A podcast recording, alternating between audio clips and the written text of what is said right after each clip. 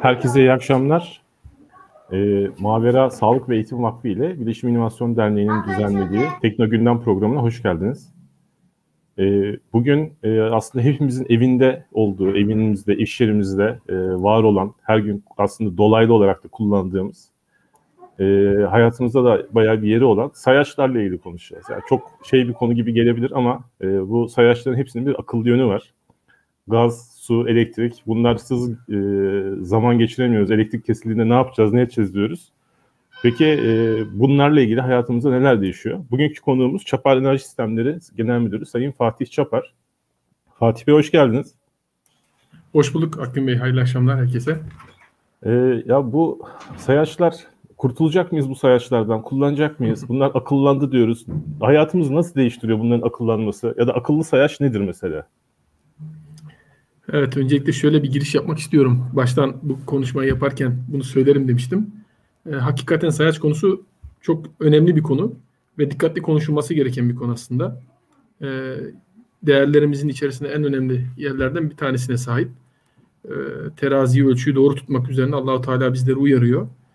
Çocukluğumdan beri hatırlarım böyle ülkemizde de zaman zaman olurdu, denetimler yapılırdı teraziler doğru ölçüyor mu diye zabıtalar geldiğinde bakkallar terazilerin altına yapıştırdıkları paraları falan oralardan koparırlardı. Çok hassas bir konu. E, çünkü bir şeyin alınıp satıldığı ölçüyü belirleyen cihazlar, sayaçlar. E, isterseniz önce sayaçlar hakkında biraz konuşalım. Ardından onların akıllı taraflarına geçelim ve e, onlarla ilgili bilgileri nasıl toplayacağız, nerede saklayacağız, nasıl işleyeceğiz üzerinde ki sizin uzmanlık alanınız biraz da oralar. Beraber orada sohbet edelim diye düşünüyorum. Hay Başlığımız hay. gaz, su ve elektrik ölçümü. Bu arada bir şey düzeltmek istiyorum. Firmanın adı Guest Ölçüm Otomasyon AŞ. Ee, orada bir herhalde bir bilgiler hatası oldu. Ee, sayaç dediğim yani gaz, su ve elektrik ölçümünde biraz şöyle sayaçların cinsleri nedir, nasıl kullanılır, e, neye dikkat etmek gerekir bunlarla ilgili naçizane bilgiler vereceğim. Tabii ki çok fazla böyle %100 bu işin uzmanı olan biri değilim ama uzun yıllar piyasada emek harcamış biri olarak burada bir şeyler söylemeye çalışacağım elimden geldiğince. Ee, her biri bu üç başlığın her biri aslında günlük hayatta çokça kullandığımız sayaçlar. Bunun dışında da sayaçlar var tabii ki. Yani buhar ölçümünden tutun da basınç olsun, ağırlık olsun e, birçok farklı alanlarda kullandığımız e, ölçüm cihazları var. Her biri önemli. Fakat benim naçizane bildiğim e, ve daha çok üzerinde çalışma yaptığım üç sayaç grubu bunlar. Gaz sayaçları evet hepimizin evinde var ya da ticarethanelerin girişlerinde var e, yine fabrikalarda kullanılıyor. Gaz sayaçların birkaç farklı modeli var. Ben ana başlık olarak statik gaz sayaçları ve dinamik gaz sayaçları diye bunları ayıracağım. Ya da eski konvansiyonel sayaçlarla yeni teknolojik sayaçlar aslında. Konvansiyonel sayaçlar dediğimiz mekanik sayaçlar e, kendi içinde iki ana gruba ayrılıyor. Hacim ölçenler ve hız ölçenler olarak. Hacim ölçenler çok aslında prensip, prensip olarak basit bir belli hacmi alıp ölçülmemiş alandan alıp ölçülmüş alana aktarırken endeks tarafında bir mekanik hareketle tüketilen gazın miktarını gösteren sayaçlar bunlar. E, hacim transferi esasıyla çalışan, yaygın kullanılan en e, bilinen iki tür sayacımız var. Bir tanesi körüklü sayaçlar. En çok hayatta karşılaştığımız sayaçlar aslında bunlar. Her evin kapısında bir tane var bundan. Körüklü sayaçlar aslında bizim şey gibi çalışıyor. Akciğerlerimiz gibi çalışıyor. Nasıl ki e, akciğerlerimizde nefes alıyoruz, veriyoruz. O aldığımız zaman şişiyor, verdiğimiz zaman daralıyor. E, içerisindeki körükler gaz içerisine girdiği zaman bir miktar şişiyor. Sonra kapakları var, senkron çalışan kapakları. Bu kapaklar sayesinde hapsettiği gazı kapağın yön değiştirmesiyle ölçülmüş tarafa doğru aktarırken elde ettiği mekanik hareketle bunu endekse yansıtıyor. Diğer bir yaygın kullanılan sayaç e, hacim transferiyle çalışan rotarimetre diye adlandırılan sayaçlar. İçerisinde iki rotorun olduğu, 8 şeklinde iki tane rotorun olduğu ve bir taraftan ölçülmemiş alandan gelen gazı o içerisindeki boşluk alanda sıkıştırıp öbür tarafa aktarırken yine mekanik bir hareket yapıyor ve böylece aslında gazı ölçmüş oluyor. Mekanik sayaçlarda ikinci model hız ölçen gaz sayaçları. Bunlar yaygın olarak kullanılan modelleri türbin tip gaz sayaçları. Türbin e, tip gaz sayaçlarında bir çark var, bir pervane var. Belli bir açıyla tabii ki üretilmiş, özel bir açıyla üretilmiş bir pervane var. Basit olması için anlatıyorum. Çok üzerinde durma, durmadan geçiyorum. Bunlar da gazın pervanelere çarpmasıyla gazın hızını ölçüyor esasında. Bu hızı bir şekilde hacme kalibre ederek e, ekranda gösteriyoruz. E, dijital sayaçlara geldiğimiz zaman yani dinamik sayaçlara geçti, geldiğimiz zaman bunun aslında en eski modellerinden bir tanesi orifice metre. Orifice plate diye de geçiyor. İngilizcesi orifice plate diye geçiyor. E, çok basit bir mantığı var ama çok mantıklı ve doğru ölçüm yapan özellikle yüksek tüketimlerde e, kullanılan yaygın bir ölçüm teknolojisi. Özellikle bu border gauge station dediğimiz sınır değişimlerinin yapıldığı yüksek hacimli ölçümler bu teknolojiyle ölçülüyor. Ee, normal bir akışın içerisine belli bir çapta daraltılmış bir plate koyuyorsunuz, plaka koyuyorsunuz.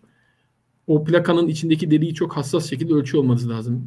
Milimetrenin işte onda birleri, yüzde birleri mertebesinde. Ee, bu plakanın önüne ve arkasına iki tane çok hassas basınç transmiteri koyuyorsunuz. Gaz gelip o plate'de daralan yerde sıkışıp da öbür tarafa geçerken bir basınç farkı oluşuyor. Buna bağlı olarak bir akış bilgisayarı iki basınç arasındaki farktan yola çıkarak debiyi ölçüyor. Ama yeni gelen teknolojiyle tabi bunlara farklı teknolojiler eklendi. Bunlardan bir tanesi ultrasonik ölçüm sistemi teknolojisi. Ultrasonik gaz sayaçlarında ses dalgasıyla ölçüyorsunuz aslında. Medyanın içine akış esnasında bir ses dalgası gönderiyorsunuz. Öbür tarafta da bir tane reseptörünüz var. Onun üzerinde de geri alıyorsunuz. Eğer akış yoksa e, sapma olmuyor ses dalgasının pozisyonunda. Ama akış varsa akışla beraber ses dalgası da sapıyor. Bu sapmadan dolayı e, şeyi hesaplıyorsunuz. Hacmi hesaplıyorsunuz. Yeni gelişen teknolojilerden bir tanesi aslında çok da yeni değil. Bayağı bir oldu ama yaygınlaşmadı çok fazla. Termal mass metering diye geçiyor. Kütlesel e, ısı ölçümü aslında öbür taraftan bir anlamı. E, ısı yöntemiyle kütlesel ölçüm yapıyor. Bunun diğerlerine göre bir avantajı var. Birazdan açıklayacağım. Gaz ölçümünde. Burada da şöyle aslında yine gazın içerisine, medyanın içerisine çok küçük bir ısı enerjisi gönderiyorsunuz. Normalde ısı enerjisi akış yoksa homojen dağılması gerekirken eğer akış varsa gaz molekülleri akarken ısı enerjisini de beraberinde sürükleyerek götürüyorlar. Ee, ısı kaynağının iki eşit noktasına birer tane şey koyuyorsunuz. ısı dedektörü. İki te- e, sensör arasındaki ısı farkından oradan geçen gaz molekül sayısını ya da kütlesini aslında gazın hesaplamış oluyorsunuz. Böylece ölçüm oluyor. Bu teknolojinin diğer bütün saydıklarıma göre bir farkı var aslında. E, teknik anlamda. Şimdi gaz dediğiniz şey sıkıştırılabilen bir şey. Ve bundan dolayı da e, basınçtan etkileniyor. Ayrıca etrafın ısısından, sıcaklıktan da etkileniyor. Ama özellikle bu tabii basıncın etkisini bertaraf ediyor bu teknoloji. Ee, işte hani bu üniversitede gördüğümüz ya da lisede gördüğümüz kimya derslerinde ideal gaz denklemleri vardı. PV eşittir Z NRT diye. Ben hiç unutmadım yani bilmiyorum ama meslekten olduğundan mı? Aklımda kalan formüllerden bir tanesi. Ee, ne demek yani? Bu bir şeyin hacmi, gazın bir gazın hacmi basınçla ters orantılı, sıcaklıkla doğru orantılı olarak değişiyor. Tabii orada bir de Z var. Compressibility faktörü dediğimiz sıkıştırılabilirlik katsayısı. Bir de N, N var. O da molekül sayısı. Gazın N, molekül sayısı. Bunlar başka parametreler. Tabii onların da etkisi var. Yok değil. Ama en e, belirgin etkisi e, sıcaklık ve basınç. E, işte bu teknoloji, termal mass metering teknolojisi, kütlesel şey ısı kütlesel ısı, ölçüm teknolojisi e, basıncın etkisini bertaraf ediyor. Çünkü oradaki molekül sayısı ne kadar çoksa o kadar çok gazı süpürmüş oluyorsunuz. Sıcaklığın etkisini de zaten içinde sıcaklık sensörü olduğu için düzelterek hacim e, şey sonuç veriyor. Buradan aslında ben, şöyle bir ihtiyaç var. Bir araya girmek istiyorum. Şey Buyurun. şimdi biz mesela gaz, su, elektrik ölçüm dediğimiz zaman e, açıkçası e, muhtemelen izleyicilerimizin de böyle direkt aklına böyle termal mas e, metering falan gibi bir şey ya da ses dalgasıyla ölçmek gibi ihtiyaç doğacağı gelmemiştir. Ama evet. aslında girişte söylediğiniz şey çok önemli. Yani bizim e, cebimizden bireyler olarak da ya da kurumlar olarak cebimizden çıkan tutarların hesaplanmasında kullanıyor. Hatta şimdi az önce bir sınırdan bahsettiniz. Ee, evet, belki doğru. ülkelerin cebinden çıkacak paraların ölçülmesinde de kullanılıyor. Yani böyle bir sayaç deyince aslında yani evimizin kapısındaki, işlerimizin kapısındaki bir cihaz şeklinde düşünmek çok yeterli olmuyormuş diye anlıyorum ben şimdi. Değil değil evet. Yani büyük tahkim davalarına konu olmuş gaz ölçüm meseleleri var yani. O, bu ciddi mesele doğru söylüyorsunuz. Ve az önce bahsettim ya çok çok kritik bir mesele. Ufacık bir e, etki e, makasın ağzı gibi aslında. Siz küçük bir etki diye düşünüyorsunuz ama öbür tarafta çok katlanarak, büyüyerek gidiyor. E, bununla ilgili tabii oluşturulmuş mevzuatlar var, yasalar var, denetçi kurumlar var. Sayaçlar ülkemizde şey var. Ölçü Ayarlar Genel Müdürlüğü var Sanayi Bakanlığı'nın altında. E, o genel müdürlük nezdinde denetleniyor. Bir kuralları, düzenlemeler yapılıyor. E, doğalgaza özel tabii enerji piyasası var. EPDK, e, Enerji Piyasası Düzenleme Kurumu var. Onun koymuş olduğu kurallar ve kaideler var. Lokal gaz dağıtım şirketlerinin e, kendilerine göre koymuş oldukları kurallar ve kaideler var. Bunlarla ilgili enstitüler var. UME var mesela. Ulusal Metroloji Enstitümüz. Bütün sayaçlarla ilgili e, standartları sağlayan, bunları denetleyen ya da yazan yerine göre. E, ama bir takım laboratuvarlar da gelişti. Son yıllarda daha da gelişti bu. Bunların liderlerinden bir tanesi de UGETAM. İstanbul Büyükşehir Belediyesi'nin e, bir kuruluşu. Çok katkı sağladı İktaş hakikaten piyasaya. Yani ölçüm çok çok hassas. Yani aklınıza gelmeyecek kadar hassas. Ee, şimdi mesela bizim bu gaz hacminin düzeltme değişmesi bir, bir parametre. Bunu mesela şu anda ilgili mevzuatlara göre gaz dağıtım şirketleri düzeltme kat sayısı dediğimiz bir kat sayıyla düzeltiyor. Ve bizlere fatura ediyor. Aslında ampirik bir şey. Bir formülle çarparak gidiyorlar. Ee, bir yaklaşım aslında. Yani bazı kabuller yapıyorsunuz. İşte orada e, metrolojiden alınan değerler var. Tamamen de hani bir yaklaşımda denemez aslında. Bir takım parametrelere göre yapmış olduğunuz hesaplarla e, gazın hacmini e, belirliyorsunuz ama en önemlisi orada birazcık da şey var. Gazın kalorifik değeri var. Özür dilerim bir saniye. Ben, ben bu arada bir şey şimdi az önce düzeltme katsayısı dediniz. Düzeltme katsayısı belki çok da düzeltmiyormuş gibi anladım ben. yo yo. Tamamen de öyle diyemeyiz. Yani bu böyle e, harcı alem birilerinin kafasından uydurduğu bir şey değil. E, fen kaidelerine göre e, belirlenmiş bir sistematiği var. Ama tabii ki e, elektronik bir düzelticiyle ya da anlık bir düzeltmeyle e, aynı sonucu vermiyor. Mesela az önce bahsettiğim thermal mass metering teknolojisi e, anında düzeltme yapıyor. Mesela sizin apartmanınızın hangi bölgede olduğu sayacınızın ne kadar doğru ölçtüğüyle ilintili. Yani deniz seviyesindeki ölçümle Çamlıca Tepesi'ndeki ölçüm aynı değil. Gaz dağıtım şirketleri tabii ki mecburen ortalama bir değer alıyorlar. Meteorolojinin yayınlamış olduğu atmosferik basıncı hesaplamalarında baz alıyorlar. Yine sıcaklık değerleri de e, meteorolojiden gelen ortalama değerlerle alınıyor. E, gazın sıcaklığı her zaman aynı değil. Değişiyor yani. Gaz sıcaklığı değişken. Çok çok büyük bir değişken değil ama e, şimdi şöyle o formülde hatırlarsanız mutlak sıcaklık cinsinden de T yani Kelvin cinsinden olması gerekiyordu. E, 273 civarı değil mi bir, bir Kelvin? Biz, o, o civarda. Dolayısıyla aslında her 3 derece yüzde bir hata demek. Yani gaz sıcaklığında yaşadığınız her 3 derecede yüzde bir bir hata oluşuyor. Bunu da tabii düzeltme faktörüyle düzeltmeye çalışılıyor. Çalışılıyor diyorum. Aslında bizim e, ölçüm dünyasında bir kayda vardır. Asla doğru ölçemezsiniz. Hiçbir şeyi. Her, her zaman bir ölçüm hatası vardır. Bu kaidedir yani. Bu, bu mühendisliğin e, çözüm bulduğu şeylerden bir tanesidir. Bu kabulle ilerlersiniz. Yani Doğruya yaklaşabildiğiniz kadar yaklaşırsınız. Yani kabul, kabul edebilir sınırlar, evet. sınırlar içerisinde bir hata payı olsun. Hata payının olması kabul edilebilir ama ya yeter ki bu işte şunu geçmesin deniyor. Yani biz e... Tabii denet, denetçi kurullar bunun bunun için var. Yani EPDK sürekli denetliyor sayaçların bu yasal sınırlar içerisinde olup olmadığını. Ölçü ayarlar da yine aynı şekilde denetimler yapıyor. Tabii ne kadar yapıyor, ne kadar yapmıyor bunlar farklı mecralarda belki konuşulur ama e, teoride bunlar var.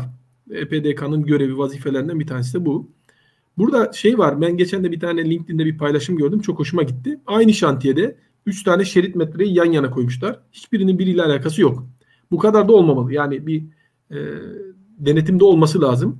Şunu söyleyebilirim. Türkiye gaz piyasası özellikle e, sayaç ölçüm hassasiyeti konusunda bir hayli e, gelişmiş durumda.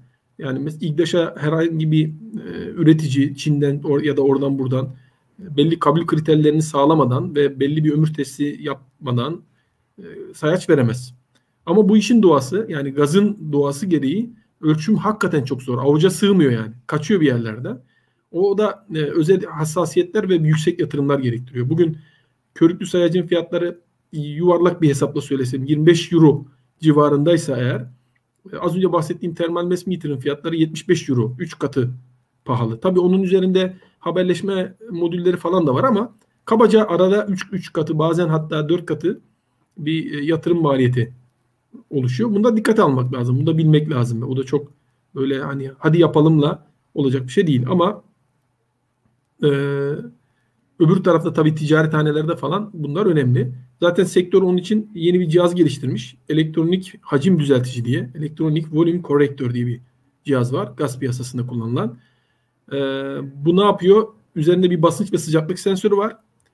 Ve bir de pulse girişi var. Mekanik sayaçtan alınan pulse bilgisini anlık olarak hattın sıcaklığını ve basıncını ölçerek basınca ve, sıcaklığa göre düzeltiyorsunuz. Türkiye'de eskiden 300 milibarın üzerinde kullanılan sayaçlarda bu zaruriydi, mecburiydi. Sonra bu 300 milibarlık sayaçlara da zaruri hale geldi, mecburi hale geldi ama orada özel istisnai bir durum getirildi. E, eğer serbest tüketici ise dendi.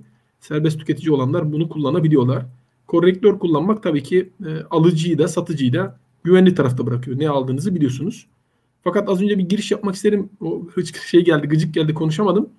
Yine gaz ölçümünde bir başka konu var ki gazın kalorifik değeri. Yani bugün siz e, ocağınıza gelen gazın size ne kadar kalori verdiğini de bilmiyorsunuz. İlk baştan bir gaz geliyor ya da işte bulunduğunuz şehrin gaz dağıtım şirketinden onu yakıyorsunuz. Aslında bu böyle değil. Şehir girişlerinde gazın kalorifik değerlerini ölçen gaz kromatograf diye bir cihaz var. Aslında çok kompleks bir sistemden bahsediyoruz. Yani şehirlerde gaz dağıtımı yapılıyor ama öyle çok da basit değil. Bir kere ele avuca sığmayan bir maddeden bahsediyoruz. Sürekli kayıptır, kaçaktır, başınızın belası. Ama öbür taraftan da ne aldığınızı da bilmeniz gerekiyor. Ülkemize birçok farklı noktadan ee, özür dilerim araya girdim ama şey kalorifik değer derken burada gazın yandığında üreteceği enerjiyi ölçmeye dönük bir şeyden evet. bahsediyor. İçinde evet, başka evet. gazlar da olabilir. En nihayetinde bir karışım. Hatta biz gaz Doğru. kaçağı olduğu zaman yani hissedelim, anlayalım diyerekten içine bir şeyler daha katıldığı hep söylenir. Yani e, aldığımız kalite gazın aslında yanma tarafındaki kalitesinden bahsediyorsunuz. Doğru mu anlıyorum? Evet, aynen aynen öyle. Yani şimdi ülkemize birçok farklı noktadan gaz girişi var. İşte Rusya'dan, Türkmenistan'dan, Azerbaycan'dan, İran'dan e, ve bu gazların her birinde kuyusu farklı farklı kuyulardan. Hatta artık ülkemizin kendi gaz kuyuları da var. Bunlardan bir kısmı şebekeye basılıyor artık onu biliyorum. Trakya bölgesine çıkarılan gazlarımız var. Bir dönem e, Batman taraflarında da var da o oradaki gaz hala devam etmiyor herhalde. Çok bilmiyorum şu anda. Tabii deniz gibi doğal gaz aslında bir karışım. Ağırlıklı metan e, ve içerisinde farklı farklı gazlar da var. İşte o metan var, e, kükürt var birazcık, birazcık e, işte su buharı var içerisinde. Yani yandığında sizin için bir de enerji üretmeyen. Metan oranı ne kadar yüksekse e, gazın enerji ver, o kadar yüksek enerji veriyor. E, bunun da ölçümü için gaz kromatograf denilen bir cihaz kullanılıyor. Sampling yöntemiyle gazı e, örnek gazla beraber kıyaslayarak bir kalorifik değer, bir karışım miktarı çıkarıyor. Bu aylık olarak gaz dağıtım şirketi tarafından ortalaması alınıyor şehre giren gazların ve o ortalama değer üzerinden de e, müşterilere aslında kalorifik değer, enerji, kilowatt olarak fatura ediliyor. Dolayısıyla çok e, hani ölçümü zor, meşakkatli, özel hassasiyet gerektiren bir konu. Bu, bu gaz tarafı. Burada elektronik hacim düzelticiden de bahsettik. Mekanik sayaçlardan da bahsettik. Her biri ayrı ayrı önemli. Genel olarak gazlar, sayaçlarla ilgili şunu söylemek istiyorum. Ülkemizdeki düzenlemeler Avrupa'daki düzenlemelerle birebir aynı. MID denilen e, Avrupa'nın ölçüm direktifi var MID. E, Metroloji Instrument Directive diye geçiyor. Biz de bu MID'yi birebir Türkiye'de uyguluyoruz. E, ve buna göre denetlemeler ve üretimler yapılıyor. Dolayısıyla standartlarımız bir hayli yüksek. Onun altını çizmek istiyorum. Ben mesela Azerbaycan'a gitmiştim. E, şok olmuştum ilk defa böyle. Epey yıl oldu tabii bu. 2008'li yıllardaydı herhalde. Et gaz neredeyse o zaman bedava onlarda. E, yani birçok yerde sayaç bile yoktu. Ve canlı Ölçmeye hatta. gerek görmemişler yani gaz gerek neredeyse. Ölçmeye gerek yok. Ölçmenin maliyeti daha fazla belki. Yani. Şimdi ama öyle olmadığını fark ettiler. Çok çok üzerine düşüyorlar. O zaman Azer Gaz'da ve Bakü Gaz'da görüşmüştük. Üst düzey görüşmeler yapmıştık. Biz onlara da bahsetmiştik yani ölçüm çok önemli diye. Çünkü biz sayaç üretici firmayız ama hakikaten bir mühendis olarak bunun kıymetli olduğunu ben her zaman söylüyorum. Ölçmediğiniz bir şeyi bilemezsiniz. Ne olursa olsun bu. Yani şirketinizdeki çalışanların performansını da ölçmeden bilemiyorsunuz. Çocukların okuldaki başarısını da ölçmeniz gerekiyor. Bakkaldan bir şey alırken onu da ölçmeniz gerekiyor. Bir şey ölçmüyorsanız bilmiyorsunuz demektir. Yönetemiyorsunuz demektir. Dolayısıyla ölçüm çok çok önemli. Onlara dedik ki yani bu gaz sonuçta sizin. Ölçün ki yani bedavada dağıtıyorsanız en azından ölçün. Ne, ne, ne tükettiğinizi bilin yani.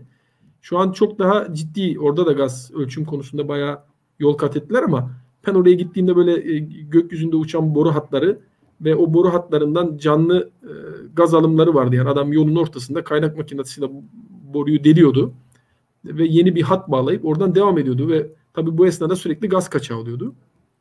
Onlar da farkına varıyorlar artık kuyulardaki gazın da bir ömrü var, tüketimi var. Tüketim bitecek yani.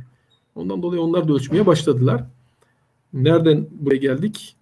Ee, ölçüm yani ülkemizde hakikaten en üst seviyede Avrupa düzeyinde e, şey yapılıyor ve her sayacın e, bu tip sayaçların 10 yılda bir kalibrasyonunu emrediyor kanunumuz.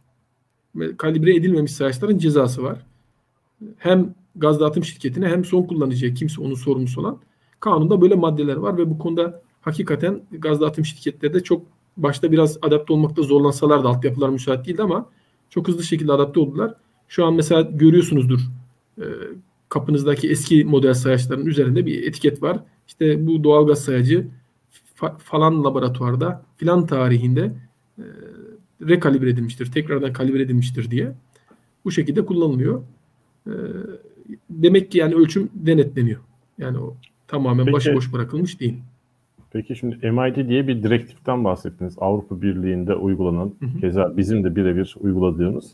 Evet. Ee, üretimler, üretilen sayaçlar da, kullanılan sayaçlar da bu direktif doğrultusunda üretiliyor. İşte 10 yılda bir denetleniyor evet. dediniz. E, hı hı. Denetlemeden zaman zaman son kullanıcı yani bizler bazen de işte şeyler, dağıtıcılar yani işte gaz, elektrik, su ne dağıtıyorlarsa herhalde bunlar sorumlu hı hı. diye anlıyorum. E, bu üretilen sayaçlar peki biz yani yurt içinde ne kadar üretiyoruz? Şimdi biz de üretiyoruz dediniz. Hmm, evet, yani burada bir de işin doğru. pazar tarafı var. Yani bizim bu ürettiğimiz evet. sayaçlar madem e, bu MID e, direktifine de uygun. Biz bunlardan bir e, yurt dışına satış oluyor mu? O operasyon nasıl evet. işliyor? Sektörün durumu nedir? Biraz ondan da bahsetme şansı olur mu? Ya, tabii tabii olabilir. Bu konu şöyle yani marka söylememde sakınca yok herhalde burada bilmiyorum da gaz sayaçlarının markalarını söylemekle ilgili bir sıkıntı var mı bilmiyorum ama e, ülkemiz bu konuda bir hayli hızlı hareket etmiş. Hemen Türkiye'ye gazın geldiği yıllarda iki büyük e, üretici grup bir tanesi ECA bir tanesi Kale Çanakkale Seramik Holding her ikisi de e, uluslararası firmalarla işbirliği yapıp burada üretim bantları kur, kurmuşlar. Kale kalıp e, Instrument markası var meşhurdu vaktiyle vakti zamanında Instrument diye bir marka vardı. E, onunla işbirliği yapmış. Instrument bir Hollanda firması. Onların körüklü gaz sayaçlarını Türkiye'de montaj hattıyla başlamışlar. ECA da Elster diye e, Alman yine o da ölçüm tarafında çok ciddi büyük bir firma. Onunla bir işbirliği yapmışlar ve onlar da burada üretim bandı kurmuşlar. Daha sonra Instrument e, Elster tarafından satın alındı. Elster Instrument oldu. Kale kalıp kendi ürününü geliştirdi bu, bu süreçte. Tamamen %100 yerli ve milli gaz sayacı üretiyorlar. Yıllardır da üretmeye devam ediyorlar. Ee, ECA'da Elsel diye bir firma var. Elster ve ECA'nın ortak olduğu yine yerli firma. Firma %100 Türk firması. Ama e, bildiğim kadarıyla Elster, Elster'in lisansıyla üretim yapıyorlar. E, bu iki firma zaten pazarı domine ediyor. Hem büyük e, montanlı üretim yaptıkları için hem de uzun yıllardır yaptıkları için e, Türkiye'de onların pazar payları bir hayli yüksek. Onun dışında e, Itron markası var. Itron markası yurt dışından ithal geliyor. O da Ankara'da bir firma var. Onun distribütörlüğünde gidiliyor ama onların da globalde işbirlikleri var. Onlar akıllı sayaç konusunda Türkiye'den o tarafa çözüm üretiyorlar bildiğim kadarıyla yine. Ee, onun dışında da birkaç e, küçük firma var aslında. Ee, bunlardan bir tanesi Natek diye bir firma. Onlar da %100 yerli üretiyorlar ve tasarımı da Türk mühendislere ait gaz sayıcıları üretiyorlar onlar da. Ee, pazar payları o kadar büyük değil ama e, üretim %100 yerli. Bir de Matrix diye bir firma var. Onun da üretim bandı var ama o da yurt dışı Avrupa menşeli bir firmanın Türkiye'de birlikte üretim yaptığı firmalardan bir tanesi. Daha önce federal firması vardı. Bir dönem üretim yapmaya yapmak için band kurmuşlardı ama hala devam ediyorlar mı bilmiyorum. Ee, onlar uzak doğu menşeli bir firmayla işbirliği yapıyorlardı. Sonra kendi ürünlerini geliştirmeye çalıştılar. Son aşamada ne olduğunu çok Ben de bilmiyorum işin açığı. Tabii Peki bunlar benim bahsettiğim ihraç edebiliyor muyuz? Yani evet, e, ondan. bu tarafını biraz Orada biraz aslında zayıfladık. Daha önce çok çok daha güçlüydük Türkiye olarak. Hem Elsel hem kale kalıp yurt dışına ihraç ediyordu. E, kale kalıbın e, Mısır'da, Ukrayna'da ciddi bir pazar payı vardı. Romanya'da hala varlar. Orada çalışıyorlar. Onları da biliyorum. E, ama eskisi kadar da çok değil. Çok da üretemiyoruz. Özellikle tabii Çinli firmaların ya da Avrupalı firmaların Çin'de kurduğu tesislerin e, piyasaya çok büyük etkisi oldu. E, bir dönem e, Mısır'daki sayaç üretimi ya, ya da fiyatları Türkiye'deki ürettiklerinizden %15-20 daha ekonomik noktaya gelmişti. Ama şimdi tabii tekrardan Çin'de maliyetlerin artmasıyla belki yeniden pazar payı bulabilirler. Var hala devam ediyor. Yurt dışına satışlar devam ediyor. Onu da biliyorum. Ama e, çok eskisi kadar değil. O kadar fazla değil yani. Daha daha da düştü. Tabii bu bizim bahsettiğimiz e, evlerde kullanılan G4 klasmanındaki sayaçlar. G, bu sayaçların gaz sayaçlarında G rating dedikleri G sınıflandırması var, bir klasmanı var. Ee, her bir rakam bir anlamı var, kapasite anlamı var. G4 dediğiniz sayaç mesela 6 metreküpe kadar.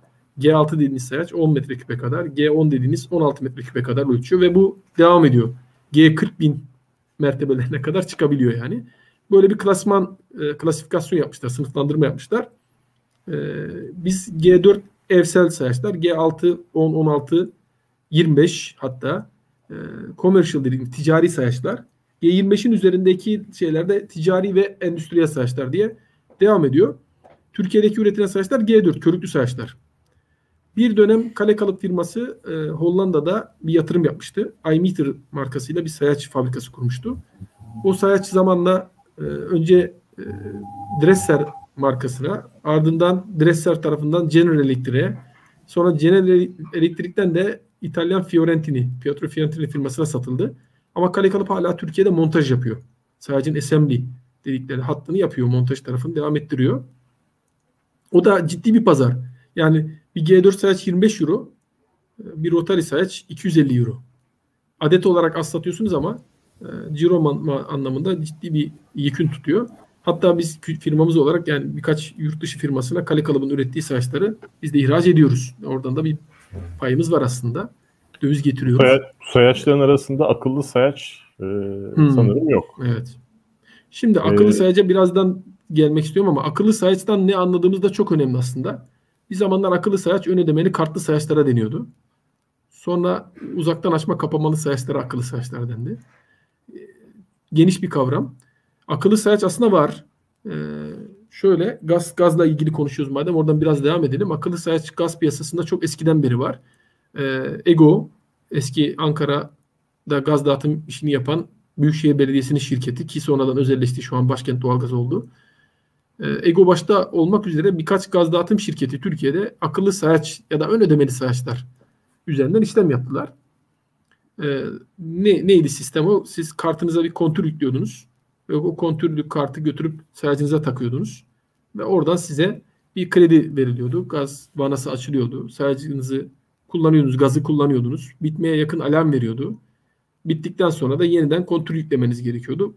Bu bir zamanlar akıllı sayıcıydı. Kale Kalıp da bunu üretiyordu. Elektromet adında bir firma var Ankara'da yerleşik. O da yine akıllı sayıcı üretiyordu. Elster de üretiyordu. Türkiye'de yani akıllı sayıcı çözümleri Manas İtron'la beraber iş ortaklığıyla üretiyordu. Bu anlamda vardı.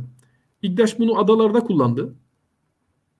Adalara gaz götürdüklerinde işte orada ödemelerle ilgili e, anlık yapılamaz diye belki de belki de bir görmek için ne olacağını anlamak için İGDAŞ adalarda akıllı ya da ön ödemeli gaz sayaçları kullandı. Fakat e, küçük bazı gaz dağıtım şirketleri, bazı diğer büyük gaz dağıtım şirketleri bunu denediler ama bu ön ödemeli sayaçlar naçizane şahsi görüşüm ee, sıkıntı, başınıza bela, problem. İkide bir vanası bozulur, pili biter, kart okumaz. Bundan dolayı sürekli bir servis hizmeti vermek zorundasınız. Bir de bu, bu tür şeyler e, hayatı ilgilendiren şeyler. Yani evinizde gece saat 12'de gerçi onunla ilgili yazılımsal bir takım tedbirler almıştı ama her halükarda bir takım sorunlardan dolayı bu oluyordu. E, bir, bir saatte kışın ortasında buz gibi hava gazınız kesilmiş. Hayda. Yani bu o günkü imkansızlıklardan dolayı çok kar yağmış gidip kontrol yükleyemeyeceksiniz falan gibi sebeplerden dolayı mağduriyetlere sebep oluyordu. Bu su tarafında da böyle. Elektrik tarafında çok kullanılmadı ben bilerek ama dolayısıyla ben doğru bulmuyorum şahsen. Bir de hani işletmeci şirketler için de çok büyük yük getiriyor öbür taraftan. Vatandaş için zorluklar getirdiği gibi işletmeci şirkette sürekli bozulan vanasıyla, bozulan kartıyla okudu okumadı. Adam geliyor diyor ki ben bin lira yükledim. Hani benim kartımda bin lira.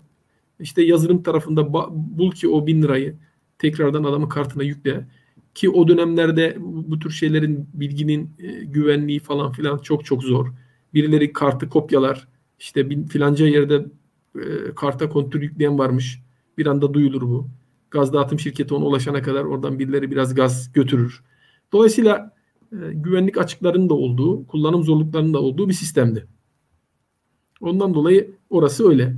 Ama şimdi akıllı sayaçlar ne? Ee, yani sizin uzmanlık alanınız biraz şey olacak ama çağımızın en kıymetli şeyi veri, data. Dolayısıyla akıllı sayaçtan nasıl kısmet artık ya şey anlaşılan ne kadar çok data ürettiği. Ne kadar çok data üretiyorsa o kadar çok akıllı. Şimdi bahsettiğim mekanik sayaçlarda e, çok eskiden beri bir tane pulse üreten şey var. E, kuru kontak veren bir read kontak switch var. Manyetik bir şey bu. Üzerine bir tane mıknatıs koyuyorsunuz. O dişli, kalibrasyon dişlilerinin üzerine bir tane mıknatıs var. O dişli bir tur atarken e, read kontak switch'i bir kere kapatıp açıyor. Bu onluk dişli diyelim mesela. 10 litre. 10 litrede bir tık veriyor. Ya da 1 metreküpte bir tık veriyor size. Bu bir bilgi. Ne? Sadece hacim bilgisi yani. Başka da hiçbir anlamı yok. Ha bunun e, zamana göre dağılımı başka bir bilgi olabilir. Yani hangi saatlerde ne kadar çok tıklamış, hangi saatlerde ne kadar çok tıklamamış gibi. E, ilk defa yapıldığında sayaçların işte bu korrektör dediğim cihazlarla uygulamalar yapıldı gaz piyasasında. Özellikle tabii ki endüstriyel ve ticari ölçümlerdeki sayaçların bilgilerini toplamak için korrektörlere haberleşme modülleri eklendi. Bu da hakikaten çok zor oldu. Yani önce nasıl yapılacağı da çok bilinmiyor. O dönemlerde e, protokoller ve haberleşme sistemleri çok yaygın değil. GPRS teknolojisi var. E, band genişliği çok dar. Öbür taraftan e, korrektörlerdeki haberleşme dilleri yani protokolleri farklı farklı. Herkes kendi protokolünü kullanıyor. Üretici firmadan başka hiç kimse o bilgiyi okuyamıyor. O bilgiyi okuyamayınca e, bir gaz dağıtım şirketinde var 15 çeşit marka korrektör her biri için ayrı bir yazılım geliştirseniz bambaşka bir bela gaz dağıtım şirketleri bir S noktası belirlediler ve dediler ki kardeşim bizim şartnamemiz bu. Bu şartnameye uymayan korrektörü biz almayacağız. Çünkü kontrol sizde değil. Şartnameyi belirlemezseniz kontrol sizde değil. Ve gaz sektöründe Modbus geçerli dil haline geldi. Birkaç üretici bunu başarabildi. Ve işte biz o günden itibaren ticari ve sanayi tüketimleriyle ilgili bilgi toplamaya başladık gaz piyasası olarak. E, ne bilgileri topluyoruz? İşte sadece mekanik endeksi, e, basınç sıcaklık, sonra düzeltilmiş hacim, ardından işte e, bir kabinet var yani daha da istasyon diyoruz biz ona. Bir kabinetin içinde ekipmanlar. Bu kabinetin kapağının açılıp kapandığı bilgisi. Emniyet tahliye vanası var basınç yükseldiğinde gazı flare eden, boşaltan. O açmış mı kapamış mı? Regülatör atmış mı atmamış mı? Her istasyonda iki tane regülatör var. Biri asıl biri yedek çalışan gaz arzını sürekli sağlamak için. E, asıl regülatör mesela atıyor. O zaman müdahale etme şansınız varsa gidip ederseniz gaz kesintisi olmadan adamın sorununu çözmüş olursunuz müşterinin. Mesela en, en kıymetli şeylerden bir tanesi buydu. E, ve buna benzer bir takım datalar toplandı istasyonlardan ve bunlarla skadalar kuruldu.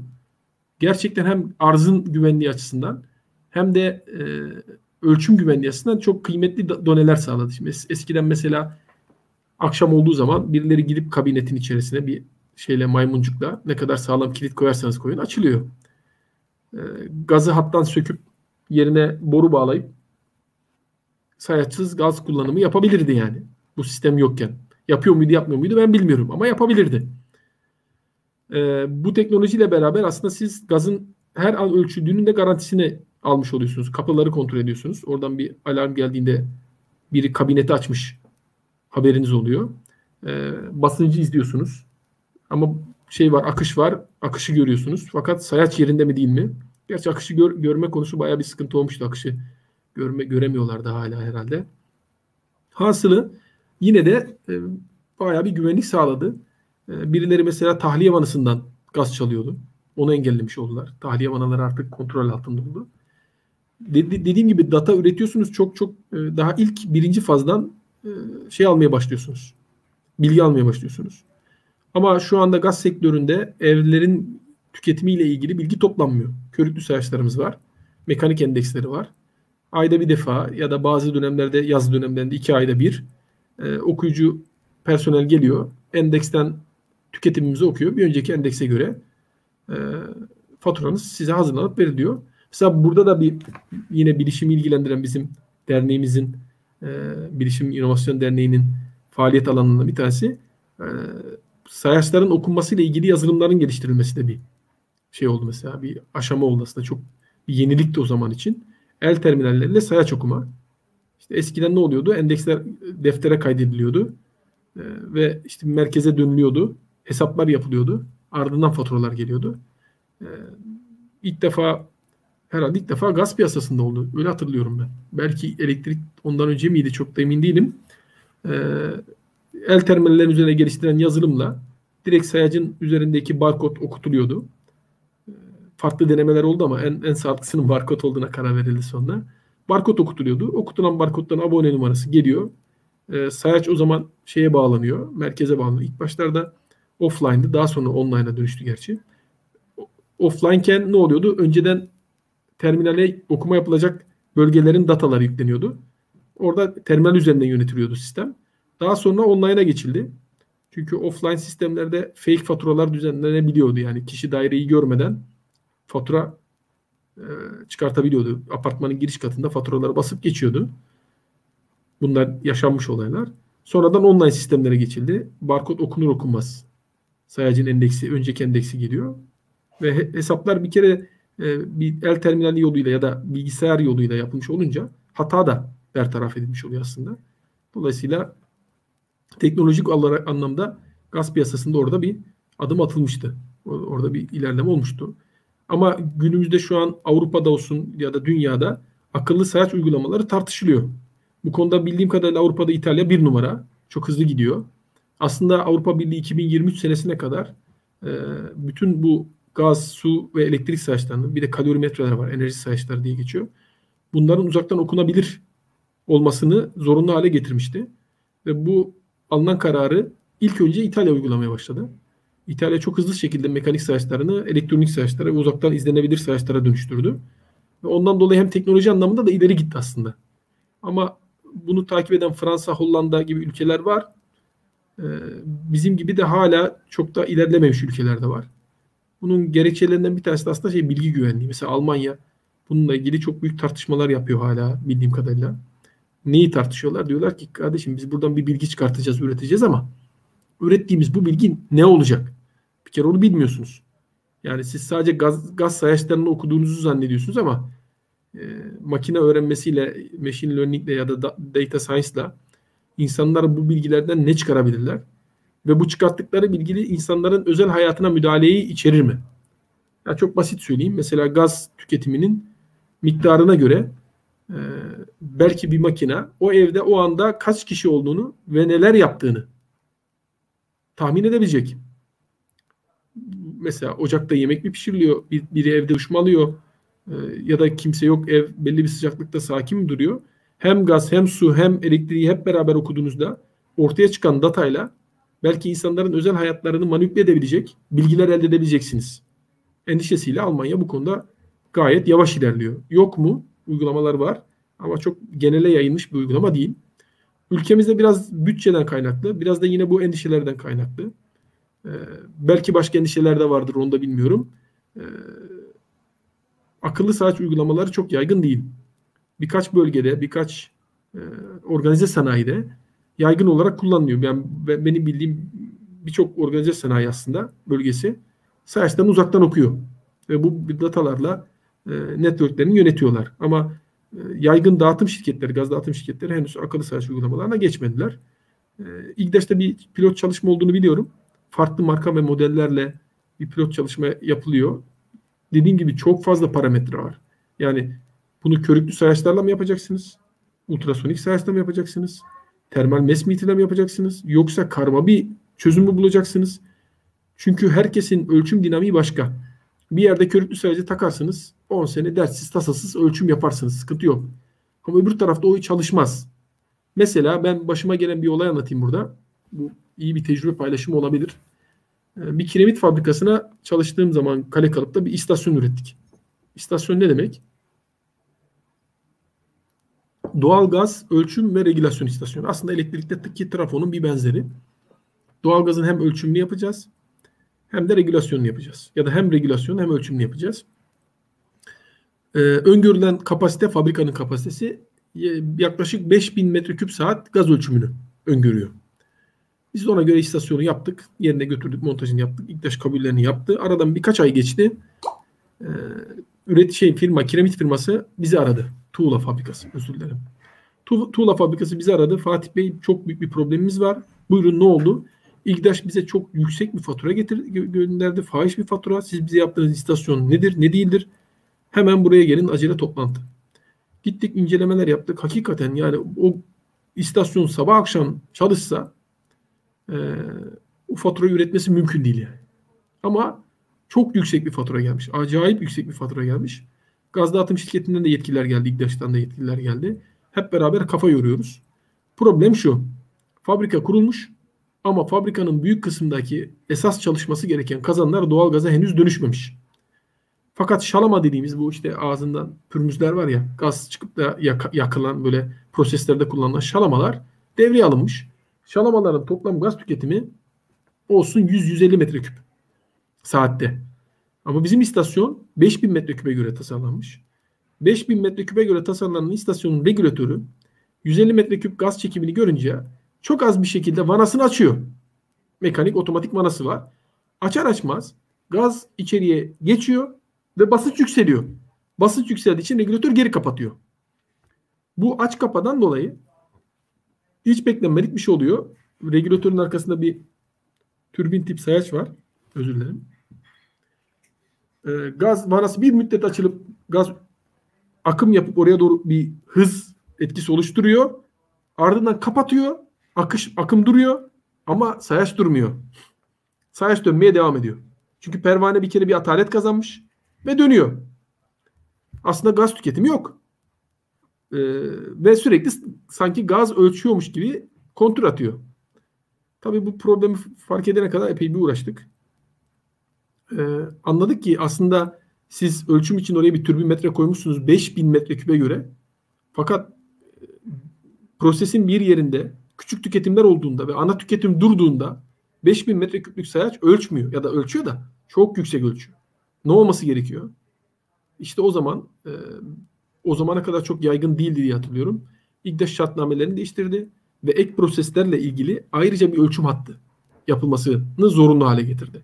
Yani bir, bir üretim tesisinde büyük brülörler varsa fakat yanında da küçük böyle şalama malama gibi e, küçük tüketimli enstrümanlar varsa dedi ki kardeşim ana hattında tamam sen büyük sayacının türbin metrerini koyabilirsin.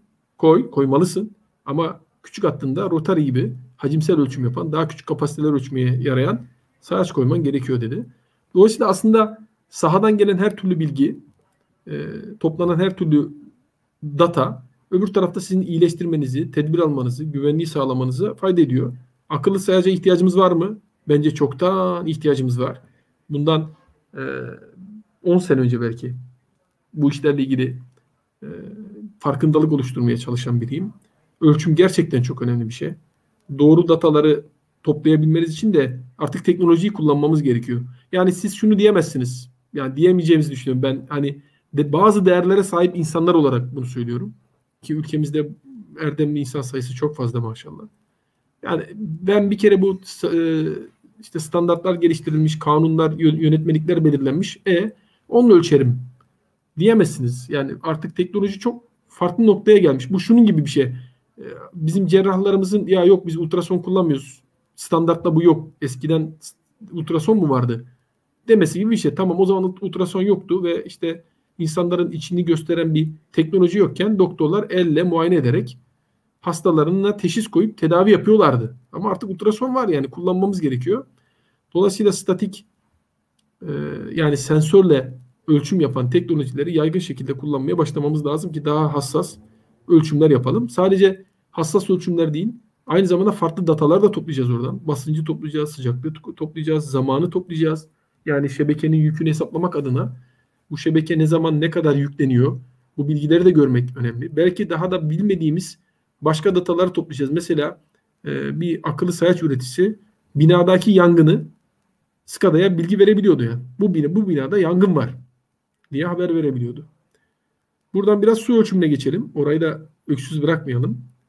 Şimdi ben e, suyla ilgili çok biraz dertliyim aslında. Gaz tamam e, yurt dışından geliyor ağırlıklı olarak. Ve ciddi bir cari açığa sebep oluyor. Doğru. Pahalı bir ürün. Evet.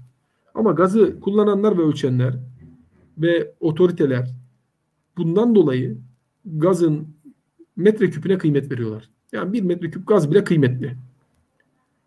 Çok hassas davranılıyor. Yani eskiden mesela e, gaz istasyonları falan devreye alınırken e, çok dikkat edilmiyordu belki ama sonralar çok çok daha dikkat edilmeye başladı. Bu flare'ler yani havaya atılan gazlar minimize olmuş durumda. Hem atmosfere zarar veriyor hem de ekonomik olarak bir değeri var olması sebebiyle. Ama su suyla ilgili bakış açısı henüz tam manasıyla oturmadı. Yani otursa benim evimde çeşmeyi açtığınız zaman o kadar yüksekte bile su akmaz. Aktırım, akıtmamaları lazım yani. Ee, ölçümle ilgili de mantık şuna ya gidiyor. Bazen ben bunu duyuyorum. Kulaklarımla da duydum yani. Su dağıtımının en üst yönetimindeki insanlardan. Ya Allah gökten yağdırıyor biz de dağıtıyoruz. Böyle bir mantık e, var ama bitmesi lazım yani. Bunu çok kesin olarak engellenmesi lazım.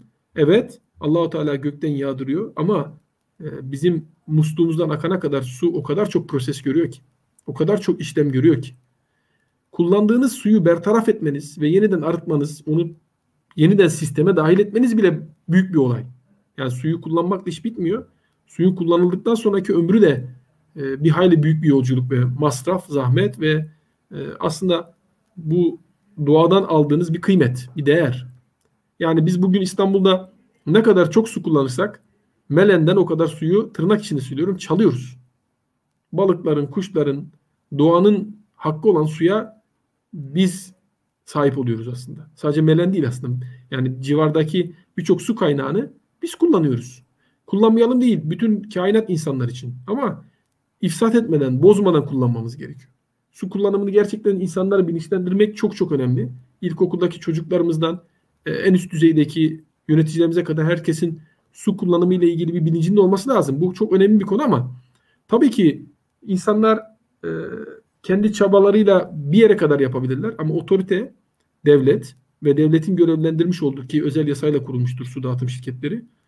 E, devletin görevlendirmiş olduğu su dağıtım şirketleri bu konuya e, çok çok çok daha ihtimam göstermeleri gerekiyor. Yok mu? Var. Çok büyük adımlar atıldı yani. Su tüketimiyle ilgili, ölçümüyle ilgili e, benim bu mesleğe başladığım günlere göre kıyasla çok çok iyi noktadayız. Allah emekleri geçenlerden razı olsun. Hiçbir şey yapılmadı diye söylemiyorum ama daha çok şey yapmamız gerekiyor diye altını çizmek istiyorum.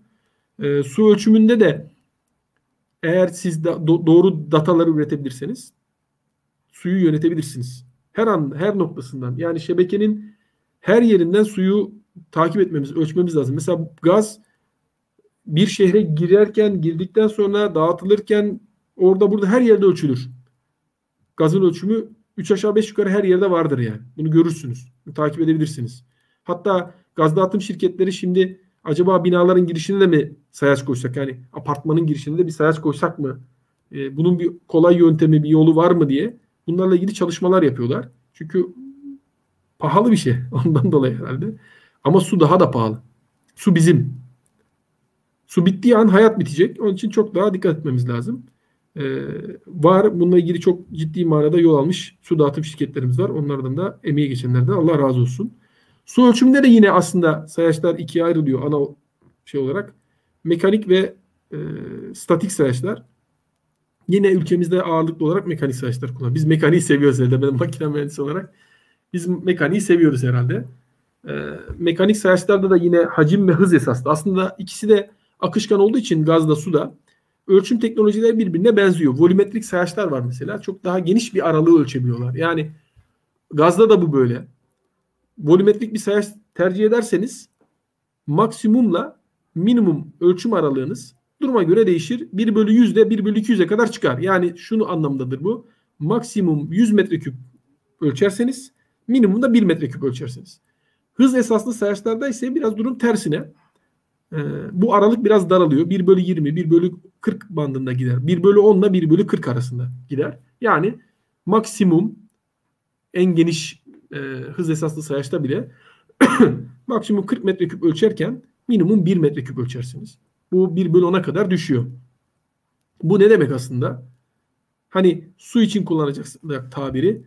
Damlayı ölçmek istiyorsanız ölçüm aralığınız geniş olacak. Hassasiyet başka bir konu. Hassasiyet e, sayacın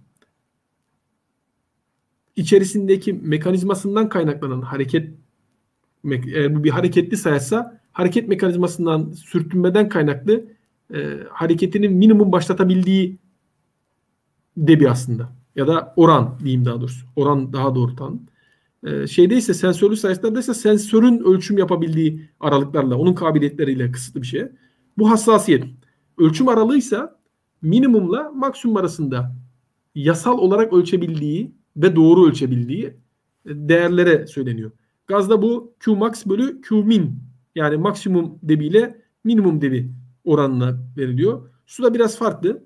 E, suda R, R1, R2, R3, R4 diye 3 tane şey var. Pardon özür dilerim. Q1, Q2, Q3, Q4 diye e, 4 tane değer var. Bu Q3 bölü Q1 oranına R deniyor. Ratio, ratio deniyor. Ya da işte range, ölçüm aralığı deniyor. Dolayısıyla hacim esaslı bir sayaç yerine hız esaslı bir sayaç kullandığınız zaman ki Türkiye'de yaygın olarak kullandığımız çok hüzmeli e, multijet diye geçiyor ya da İngilizcesi. Çok hüzmeli su sayaçları hız esaslıdır. E, ölçüm alanınız dar. Dolayısıyla bu sayaçla alabileceğiniz bilgi sınırlı. Bir kere oradan başlayalım. E, volümetrik sayaçlar evet biraz pahalı. Eskiden ülkemizde üretilmiyordu. Şu an ülkemizde üretiliyor. Yani az önceki gaz piyasasında sormuştunuz ya ülkemizdeki üretim oranları ne? E, su sayaçlarında bu oran bir, biraz daha yüksek. Yani birçok üretici var. Baylan adında bir firma var. İşte Elektromet adında bir firmamız var. Texan diye bir firmamız ölçüm yapıyor. Cem diye bir sayaç markası var. Onlar ölçüm yapıyor. Hatta Eskişehir Su Dağıtım Şirketi'nin kendi sayaç markası var. Onlar bile sayaç üretmişler. E, su sayaçlarında e, eskiden çok eskiden gelen know-how birikim var aslında. Fakat bizim birikimimiz ya da bizim şeyimiz bir dönem şartnamesi yazılmış e, piyasada karpuz tip geçen e, çok üzmeli sayaçta. Şöyle biraz karpuza benzediği için büyüklüğünden dolayı karpuz tip sayaç diye geçiyor. Çok üzmeli sayaçlar. Nasıl çalışıyor mantığı? E, borudan gelen suyun kesiti daraltılıyor. Daraltılan su basınçlanıyor doğal olarak ve üç tane şeyden e, delikten pervanenin kanatlarına doğru püskürtülüyor. Bu hızla sayaç ölçüm yapıyor ve buna bir kalibrasyon elde ediyorsunuz. Ölçüm aralığı dar. Volümetrik ne? Az önce de bahsettiğim gibi burada suyu bir, bir kabın içine alıyor gibi alıyor. Öbür tarafa geçiyor açıyor kapağını. Böylece ölçüm yapıyor. Bunun ölçüm aralığı daha yüksek.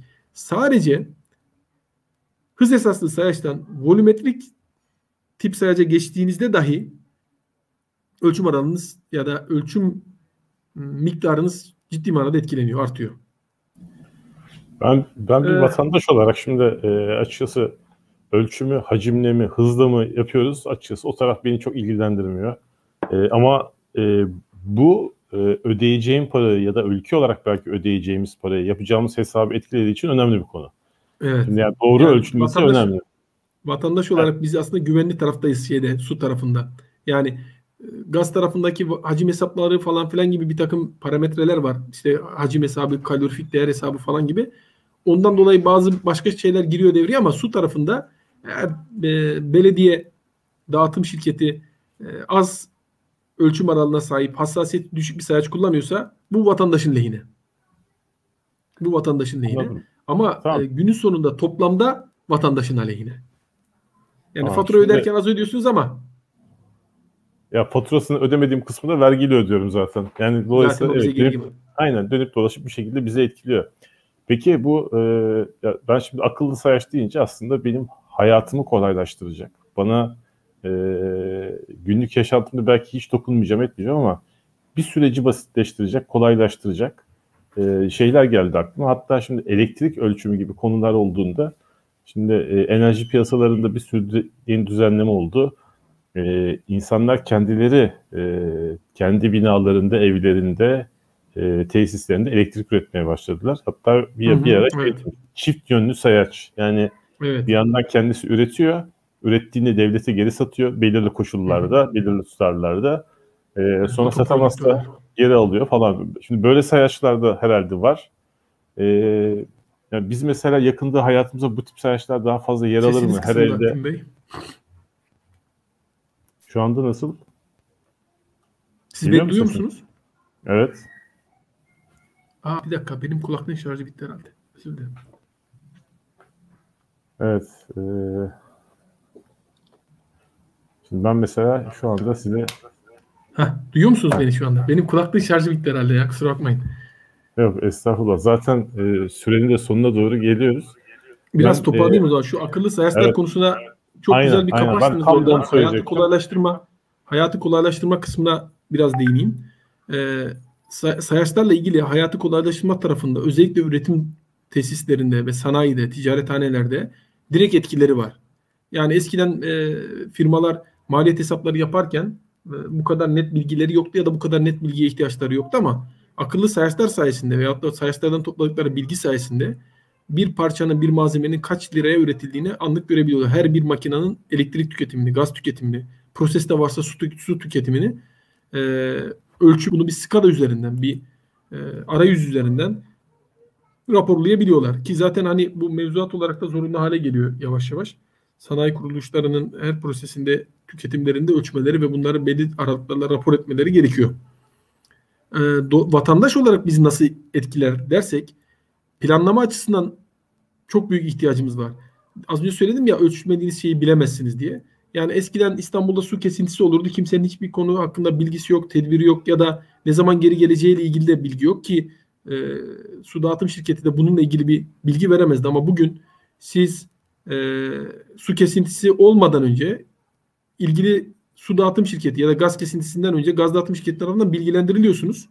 Ve bu bilgilendirmenin sonucu olarak da ne zaman geri geleceğini de tekrardan biliyorsunuz. Bunların hepsi sağdan toplanan bilgilerle üretiliyor. Yani SCADA sistemlerinde şu an şehrimizin her tarafında farklı noktalarda basınç, sıcaklık, işte debi, e, bulanıklık gibi işte suyu ilgilendiren e, pH değerleri gibi birçok şey ölçülüyor. Ve bu ölçülen bilgiler bir SCADA üzerinden raporlanıyor ve bize dolaylı olarak e, hizmet olarak yansıyor.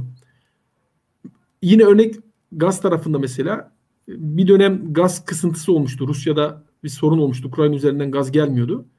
E, otorite, devlet otoritesi hemen gerekli tedbirleri aldı ve işte ülkemizin e, anlık olarak tüketiminin ne olduğunu öngörebildiği sistemler var. Ve birkaç tane büyük gaz tüketen tesisi kapatarak ülkenin son kullanıcı da tarafındaki gaz sıkıntısına düşmemesini e, temin etmişti. Buna benzer e, dolaylı olarak birçok aslında biz hizmet alıyoruz. Şu an biz evimizdeki sayaçların e, tüketimi ölçülmüyor ama genel anlamda anlamda şehirdeki su tüketimi ölçüldüğünden barajlarımızda kaç günlük su kaldığını bilebiliyoruz. İşte daha çok bilgi toplandığında, daha çok done elde edildiğinde, e, her evin su tüketimi kontrol altına alındığında şunu yapabilirsiniz. Daha hassas bir şekilde su tüketiminin ya da su kesintisinin ne zaman olduğunu öngörebilirsiniz. Ama daha akıllı yönetilebilir sayaçlarda bir sonraki aşama şuna gidebilirsiniz. Bir ev var e, haddinden fazla su tüketiyor. Anlık olarak onu görüyorsunuz. Olmaması gereken bir suyu tüketiyor. Demek ki o evin içerisinde bir yerde bir patlak çatlak var. Yani bir adam 7-24 e, stabil debide su tüketemez. Adamın borusu duvarın içerisinde çatlamış. Oradan su akıyor. Ama haberi bile yok. Aşağı gidiyor bir yere. O bir yol bulmuş kendine. Su yolunu bulur derler ya. Su kendisine bir yol bulmuş. Oradan akıp gidiyor. Aynısı gazda da geçerli. Yani ben yine tecrübe İzmir Gaz Dağıtım Şirketi yeni kurulmuştu. Biz de oranın e, gaz saçlarını tedarik eden firmanın ben satış pazarlama müdürüydüm.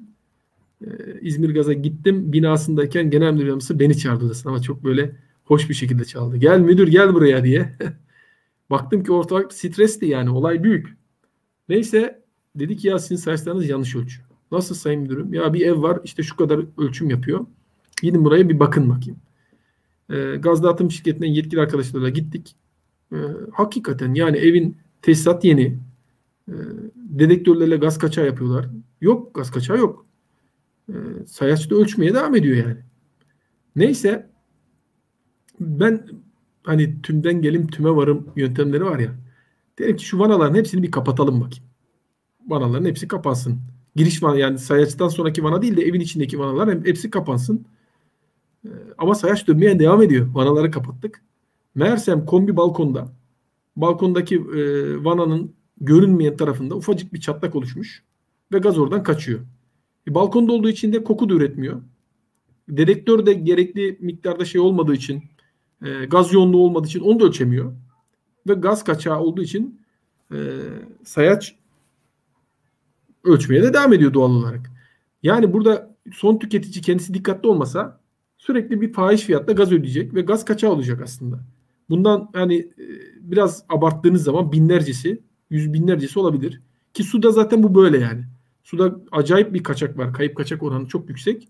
Ee, bir, birkaç tane gaz dağıtım şirketi dışında birçok şey su dağıtım şirketi dışında birçok su dağıtım şirketinin e, aslında sağlıklı bir şekilde kayıp kaçağını bile ölçemeyeceğini tahmin ediyorum. Ama bugün akıllı sayaçlarınız olsa sizin ve sisteme verdiğiniz suyun miktarını bilseniz öbür taraftan da e, sistemden çıkan suyun miktarıyla bunu çok rahat kıyaslayıp son tüketiciyi e, şeye e, kontrol altına almış olursunuz. Diyelim ki sıkışıklık var. E, su miktarları daralmış. Yaz aylarındayız. Hane halkına özel su miktarıyla kontrol altına alabilirsiniz. Tamamen kapatmazsınız. Su hayattır. Ama mesela benim evim 5 kişilik. Günlük tüketmesi gereken miktar şu kadar litre. O litreyi geçtikten sonra buranın basıncını bir kontrol vanasıyla orada regülatör üzerinde ya da bir kontrol vanasıyla kısarsınız. 5'te 1'e düşürürsünüz. 4'te 1'e düşürürsünüz. Tamam ben susuz kalmam ama su konforundan e, feragat etmem gerekir. Böylece aslında siz suyun tüketimini kontrol altına alırsınız. Şebekeniz ne kadar akıllıysa o kadar çok bilginiz var. Şu anda bizim şebekelerimiz o kadar akıllı değil. Hay, yani ama sanayi, endüstri para kazanacağını bildiği proseslerde bunu çok çok dikkatli kontrol ediyor. Yani. Çok teşekkürler. Burada aslında bir, bir konu var, başlık var. Bilgi güvenliği yine devreye giriyor aslında. Yine sizin de benim de ilgi alanımı oluşturan. E, bu datayı üretmek bir dert. Datayı üretmeniz ve toplamanız bir dert. Bu dataları da saklamanız ayrı bir dert. Yani bu bizim aslında DNA'mız gibi bir şey. Günün sonunda Türkiye'deki bütün evlerin siz haritasını çıkartacaksınız.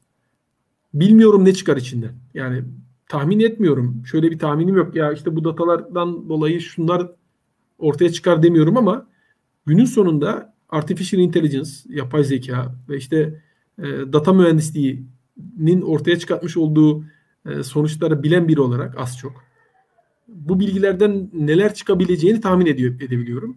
Dolayısıyla bu bilgileri harca alem e, sadece toplamakla da yetinmemek gerekiyor. Bunların bilgi güvenliğini, SCADA güvenliğini, SCADA security çok yeni gelen moda bir tabir. E, temin etmemiz lazım. Biliyorsunuz e, bir taraftan mahremiyet var. O bilgileri korumak anlamında şey var. Öbür taraftan da e, stratejik şeyler bunlar. Ben şöyle diyorum. Yani bir darbe girişimi esnasında ülkenin elektriklerini e, ki bu mümkün. Türkiye'de skadamız var. Bizim trafolarımız Suyu, interneti ve gazı kestiğiniz an ya gaz belki gaz o kadar kritik olmayabilir ama bir şekilde yani bir kaos oluşturmak istiyorsanız ve içeride bir tane mühendisinizi tek başına yetkili kıldıysanız bunların hepsini tek seferde kesebiliyorsa bunlar çok e, zor ve e, yönetilmesi e, güç olan şeyler. Ondan dolayı bunları da dikkate alarak sistemleri tasarlamak lazım. En başından. Siz şebekeyi kontrol edeceğim diye bir yerlere kontrol vanaları, açma kapama sistemleri, aktüatörler koyuyorsunuz. Şalterler koyuyorsunuz. Bu şalterleri otomatik yönetilebilir hale getiriyorsunuz. Sahadan bilgileri 3G'den, 5G'den, internetten oradan buradan topluyorsunuz ama bir topladığınız bilgiyi ne yapacaksınız? Yönettiğiniz sistemi kime emanet edeceksiniz? Nasıl e, güvenliği sağlayacaksınız? Her şey e, bu çerçevede düşünülmesi gerekiyor. Çok e, katmanlı ve çok fazla mühendislik gerektiren tasarımlar bunlar. Dikkat etmek gerekiyor. Kesinlikle. Ee, benim sesim de böyle hafiften bir yankı yapıyor. ee, çok teşekkürler valla vakit ayırdığınız için. Çok keyifli bir sohbet oldu. Ben e, özellikle e, yani sayaçların hayatımızla ilgili yeriyle ilgili biraz düşündüm. Evet yani çok önemliler. Gerçekten çok önemliler. Bunun farkındaydım diye düşünüyordum ki o kadar da farkında olmadığımı fark ettim. Yani sayaç aslında e, o kadar çok noktada bize dokunuyor ki e, yani hayatımızda çok büyük bir yeri var. E, aldığımız, sattığımız, kullandığımız pek çok şeyin ölçülmesinde, belirlenmesinde, fiyatlanmasında, planlanmasında e, bir şekilde sayaçların yeri var. E, ve tabii e, bir yandan da dediğiniz gibi orada üretilen çok ciddi miktarda veri var. O verinin e, yönetilmesi, kullanılması, hatta e, korunması, ayrı ayrı değerlendirilmesi, konuşulması gereken konular. Ben çok kısa bir anekdot aktarmak istiyorum. E, 80'li yıllarda, 70'li yıllarda e, bu tip e, altyapı servis sağlayıcılarının kullandığı yazılımlara entegre edilen bir yazılım aracılığıyla o zamanlar böyle internet falan da yok. E, buralarda üretilen verileri toplayan bir e, istihbarat birimi diyeyim e, yurt dışında e, aradığı bazı kişileri buldu. Yani aradığı bir e, kaçağın e, akrabalarının su tüketimlerini, elektrik tüketimlerini e, takip edip anomali yakalamaya çalıştı ki bunlar gerçek zamanlı değil. E, faturalar üstünden yapıldı o zamanlar. Şu anda biz gerçek zamanlı yapabilmekten bahsediyoruz. Evet. Ya da e, yani kısa e, sürelerde yapmaktan bahsediyoruz. E, çok farklı sonuçları olabilecek bir şey. O yüzden e, hayatımızdaki yeri, hayatımıza etkisi çok fazla. Çok keyifli evet. bir sohbet tekrar. Çok teşekkürler. Ben teşekkür ederim. Ee, inşallah faydalı bir şeyler söylemiş olmuşuzdur ya. Bence kesinlikle çok faydalı ve keyifli bir sohbet oldu.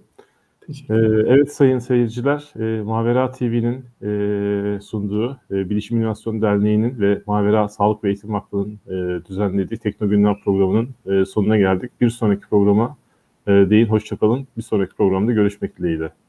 Allah'a emanet olun, hayırlı akşamlar.